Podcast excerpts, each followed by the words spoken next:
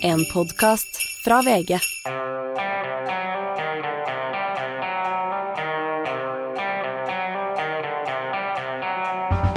Ikke visste jeg at uh, alle disse dagene som kom og gikk, de var selve år 2022. Uh, I min oppvekst var det en sånn type science fiction-år. Det var et, uh, et år som sånne romaner fra fremtiden var lagt til. Og nå er vi her i fremtiden, Astrid, og hva syns du har preget fremtiden så langt?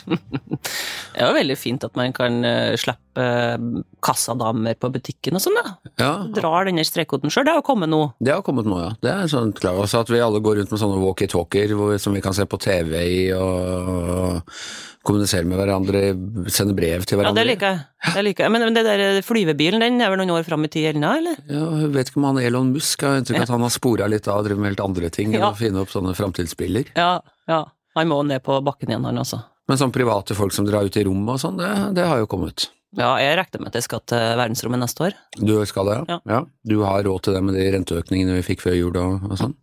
Ja, veldig, veldig god lønn i Skipsted. Ja, ok.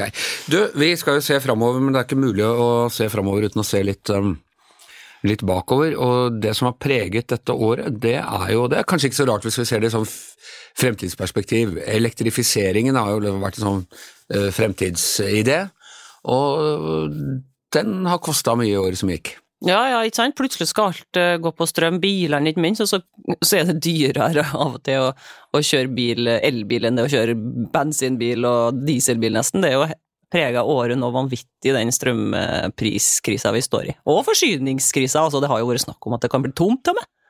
Tomt for strøm? Ja, det, var jo, det har jo vært sånn farevarsel eh, helt fram til nå, nesten, om at eh, fare for rasjonering. Nå har de avblåst det, da. De tror det går, liksom. At, Regjeringen har jo prøvd å lansere det som en sånn gladnyhet, at det ikke blir eh, Det er kjempedyr strøm, men det blir ikke rasjonering. Ja, ja, men sett uh, sammenlignet med resten av Europa, så er det jo eh, større fare der, da. Sverige er jo redd for at det skal gå tomt eh, på de kaldeste dagene når alle skrur på panelovnen og sånn samtidig. Ja. Finland er redd for det òg. Hvordan ville rasjonering da ha foregått rent praktisk? Er det sånn at nei, nå er ikke strøm i kontakten? Nei, sånn er det jo i Ukraina og sånn, men uh, i Norge ville det blitt planlagt, da, rasjonering, sånn at de ber om uh, de største forbrukerne om å skru av, altså type kraftkrevende industri og sånn, da. Sånn Det ville vært rullerende blackouts uh, i neste steg, der man får på en måte beskjed om at den timen der blir ikke noe strøm. Så det ville nok vært en kontrollert, men ubehagelig affære, da. Ja, og ikke akkurat noe billigere strøm av den grunn? Kjempedyrt, ikke sant. Mm. For det, det er jo to ting vi har diskutert i år, egentlig, som ofte blir sammenblanda. Men det, er jo, det ene er jo hvor dyrt det er, men det er jo noe helt annet enn eh, tryggheten for at vi har nok. Og denne strømkrisen er litt uh, avhengig av hvilken skole man tilhører, så har man litt forskjellige uh, grunner på den. Det er, uh, det er de som mener at det skyldes utenlandskabler og at vi har blitt en del av det store europeiske strømmarkedet. Det er de som mener at det skyldes værforhold, og de som mener at det skyldes Putin og krigen i Ukraina. Jeg skjønner at alle, de fleste mener at det er litt blandings, men hva tror du er hva har vært den viktigste årsaken? Det er krig Putin. Ja, Mm. altså at han skrudde av gasskranen? Mm. Eh, og øh, la oss si at han nå taper uh, krigen i, uh, mot Ukraina, får vi håpe, i år som kommer. Men blir han, er han da mer hypp på å selge oss gass av den grunn? Nei, det er det som er vanskelig, vet du, Anders, fordi 2023 kan jo bli skal ikke være så dystre, men det kan bli like vanskelig som 2022. Fordi nå fortsatt så får vi litt gass, Europa får fortsatt litt gass fra Putins Russland, men mindre og mindre. Eh, Men han kan jo skru det av helt, og dessuten, det er jo ingen i Europa som vil basere seg på at vi skal ha den gassen fra, fra Russland framover, uansett eh, hvordan det går med krigen. Vi kan liksom ikke eh, basere oss på så, sånne diktatorer som bruker energi som en eh, krig, til krigføringa. Så vi må slutte, og det er jo store, store altså Russland er en av de største energieksportørene og produsentene i verden, både av olje og gass og, og kull. Og, eh, så det er jo en kjempestor eh, eh, del som forsvinner, som vi må erstatte med fornybar, med norsk gass, med gass fra Qatar har vi jo sett at ble kjøpt inn i år. Der var menneskerettighetene sånn, det var ikke så nøye akkurat da, det var bare med fotball-VM. Eh, Så det er kjempemye som skal erstattes, og Russland kan fortsatt altså kutte enda mer av overføringa i røra. Så 2023 kan bli vanskelig. Ja. Eh, og en annen ting som det jo har vært pekt mye på, er at eh, Tyskland har vært for uh, skråsikre på dette grønne skiftet. De begynte å avvikle uh, atomkraftverkene og, og den, den, kjernefysiske kraften, og ja, har basert seg for mye på Russland. Kommer de til å snu på dette? De har jo snudd på en måte i EU og i Mangland. Nå er kjernekraft inn igjen i Mangland. Egentlig ikke i Tyskland. De har jo bare snudd på det at de skal forlenge levetiden på noen gamle atomkraftverk. Uh, det vel vært dumt. De skulle jo egentlig vært slått av nå, uh, 1.1.2023, men de har forlenga det fordi de har skjønt at det går ikke an å slå av i den krisen de står i nå. Men de har egentlig ikke snudd sånn at de skal satse på kjernekraft. Men det skal jo Frankrike, eksempel. Og EU har jo bestemt at kjernekraft kan ses på som, som miljøvennlig energi. Eh, Japan, til tross for Fukushima, skal ha signalisert satsing. Masse sentraleuropeiske land. Polen skal få sitt første kjernekraftverk. og jeg tenker jo... Altså Polen skal bli atomkraftnasjon uten å ha vært det tidligere? Ja, og ja, Finland holder på. Sverige har òg debatten snudd ganske kraftig. Nå handler det om å, å skjelle ut dem som har vært imot eh, kjernekraft i Sverige. Dette husker jeg, Det var en av de store kampsakene i min uh, atomkraft. Nei takk, hva skal vekk? Barsebekk, hva skal inn? Sol og vind. Så der har egentlig fremtiden tatt en liten U-sving. Ja, de sier jo det i både EU og internasjonale energibyråer at sånn skal vi nå klimamålene våre og ha forsyningssikkerhet, så trenger vi kjernekraft. For det slipper jo da som kjent ikke ut noe eh, CO2 og drivhuskassa, men det er, jo den, det er jo dyrt, og det kan være vanskelig å få drive det, som vi har sett i sommer og vinter nå. Det svikta jo kjernekraften nå. Og eh, det er jo den eh, strålinga og altså søppelet, det der, der giftige søppelet som vi må bli kvitt, det er masse problemer med kjernekraft. Altså står det jo ikke til å nekte for at det har vært noen ulykker også. Det, det. det er ikke bare en teoretisk uh, mulighet for det. Men vi får håpe på den nye gjennombruddet som kom rett før jul, da. Eh, med amerikanske forskere som har funnet opp eh, fusjonsteknologi. Som gjør at eh, da slipper hvis de, hvis de kommer videre med det, da, så, så slipper de jo det her søppelet. Ja, da slipper de radioaktive avfallet? Mm. Okay. Men det er jo mange år fram i tid, da. Hva med det store norske prosjektet om å elektrifisere sokkelen? Altså, Legg litt dårligere an, ja. ja, det er, jo, det er, jo, virkelig sånn månelandinga vår og, og det, store, det store, vårt store bidrag. Og en slags kompensasjon fordi vi fortsatt pumper opp så mye fossil, fossil energi, så skal vi liksom, skulle vi betale ved å elektrifisere. Men er det sånn at det bare kommer ikke til å skje, eller bare utsettes det, eller hva, hva tror du om dette? Nei, det er jo skjedd for lenge siden på mange eh, felt, er at eh, de drives på, på el. Eh, Johan Sverdrup, det digre feltet, går jo på el, og da erstatter de altså gasskraftverk som har vært vanlig å bruke, som eh, forurenser mye mer. Så det er en måte å kutte klimautslippene i Norge da, med å beholde oljeproduksjon. Men det er blitt mer upopulært. Altså det kommer til å bli store diskusjoner framover, for det første om vi skal ha bygd de her oljefeltene som er i pipeline, og for det andre om det skal gå på strøm. Da. Så det tror ikke jeg er sånn enten-eller. Det kan jo i noen tilfeller lønne seg, og i andre tilfeller være uaktuelt. Eh, men dette har jo kommet relativt eh, brått på, hele den. Og så har det gått litt fram og tilbake, og så var det nei, så fylte vannmagasinene seg opp i november, og plutselig var strømmen lav igjen. Jippi, krisa er over. Og så eh, var den tilbake igjen for fullt rett før jul. Må jeg si at vi, vi, tar jo opp dette her rett før jul, så er det noen sjanse for at det nå er lave strømpriser nå i romjula når folk hører på dette? Ja, det kan være null. Det kan det, ja. Altså, nå er det jo nesten ti.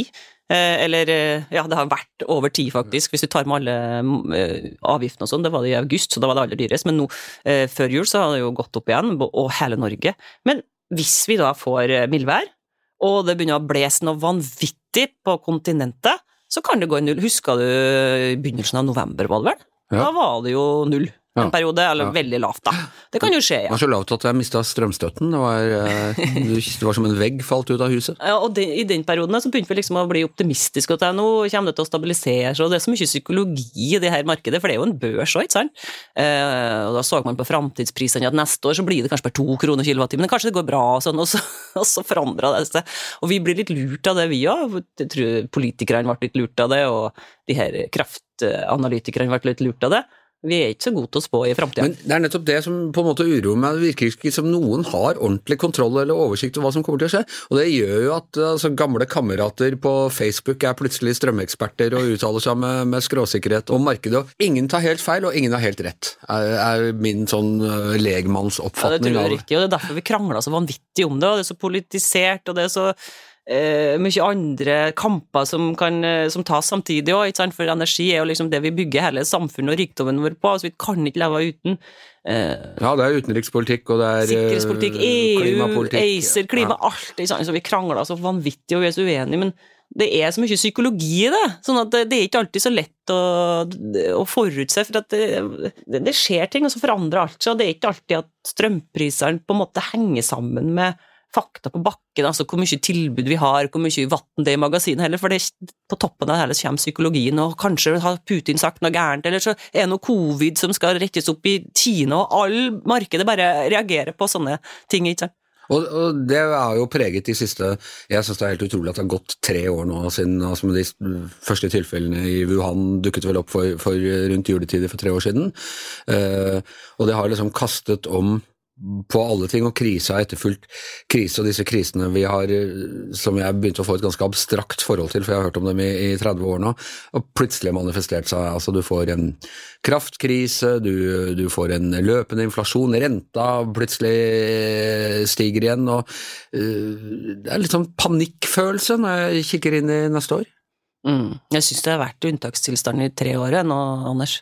Det har jo det med, med coviden og sånne ting, men da Ja, og så gikk det rett over i en uh, krig og strøm, energikrise og sånn. Jeg, jeg bare husker så godt før, før valget i eh, 2014, det var vel 2013 vi drev og skrev saker i VG om hva som var liksom de store sakene før Erna Solbergs regjering ble valgt, og da var det sånn spesiale VG, send inn ditt bilde av hullet i asfalten der du bor og sånn.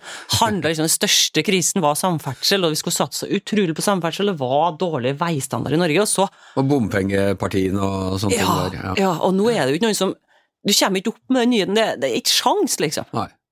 Og det viser vel at det vi egentlig har øh, satt oss for å gjøre her denne romjula, nemlig å se litt fremover, det er veldig vanskelig. Det er mye lettere å se bakover enn fremover. Ja.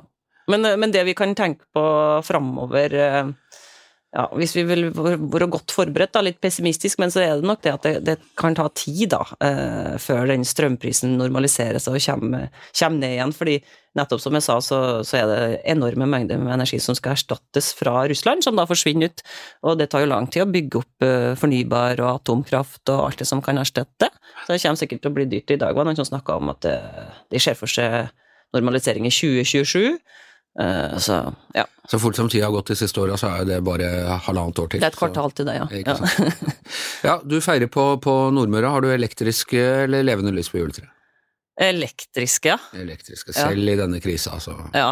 Står de på hele dagen, eller eh, skrur du på bare på kvelden? Ja, nå har jo vi vært så velsignet at vi har hatt eh, billig strøm oppe på Nordmøre helt fram til nå, men nå, nå må jeg vurdere å skru av juletrelysa. Men det var en ekspert på radioen som sa du kan godt ha på juletrelysa, det koster bare 50 kroner dagen. Ha på alt det der julegreiene. Jeg vokste opp med levende lys på juletreet, det var sånn jeg følte at vi var litt rare, vår familie. Fordi det var noen sånne rare ting som gjorde oss litt annerledes. eh, er Koselig, andre. Ja, koselig. Mye styr. Måtte alltid ha sånne bøtter med vann stående rundt, og far min var veldig sånn styrete rundt dette her, så jeg har, jeg har gått over til elektrisk. Men nå lurte jeg på om jeg skulle finne fram de gamle, det var sånne klyper med sånne bitte små lysestaker. er brannfaren, Anders. Ja, nei, det var derav disse bøttene Ja. som sto overalt rundt omkring i stua på julaften. Da. Det var ikke julepynt i bøttene, nei. men det var noe eget sånn stemningsmessig, det må jeg si, når, når liksom far tente juletreet om kvelden og sånne ting. Det var så koselig. Ja. Ja.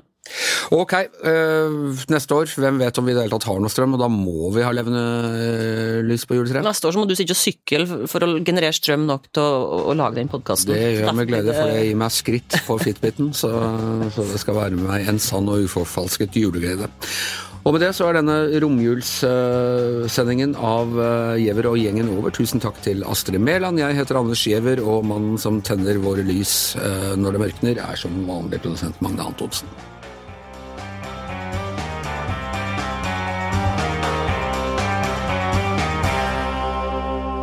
Du har hørt en podkast fra VG.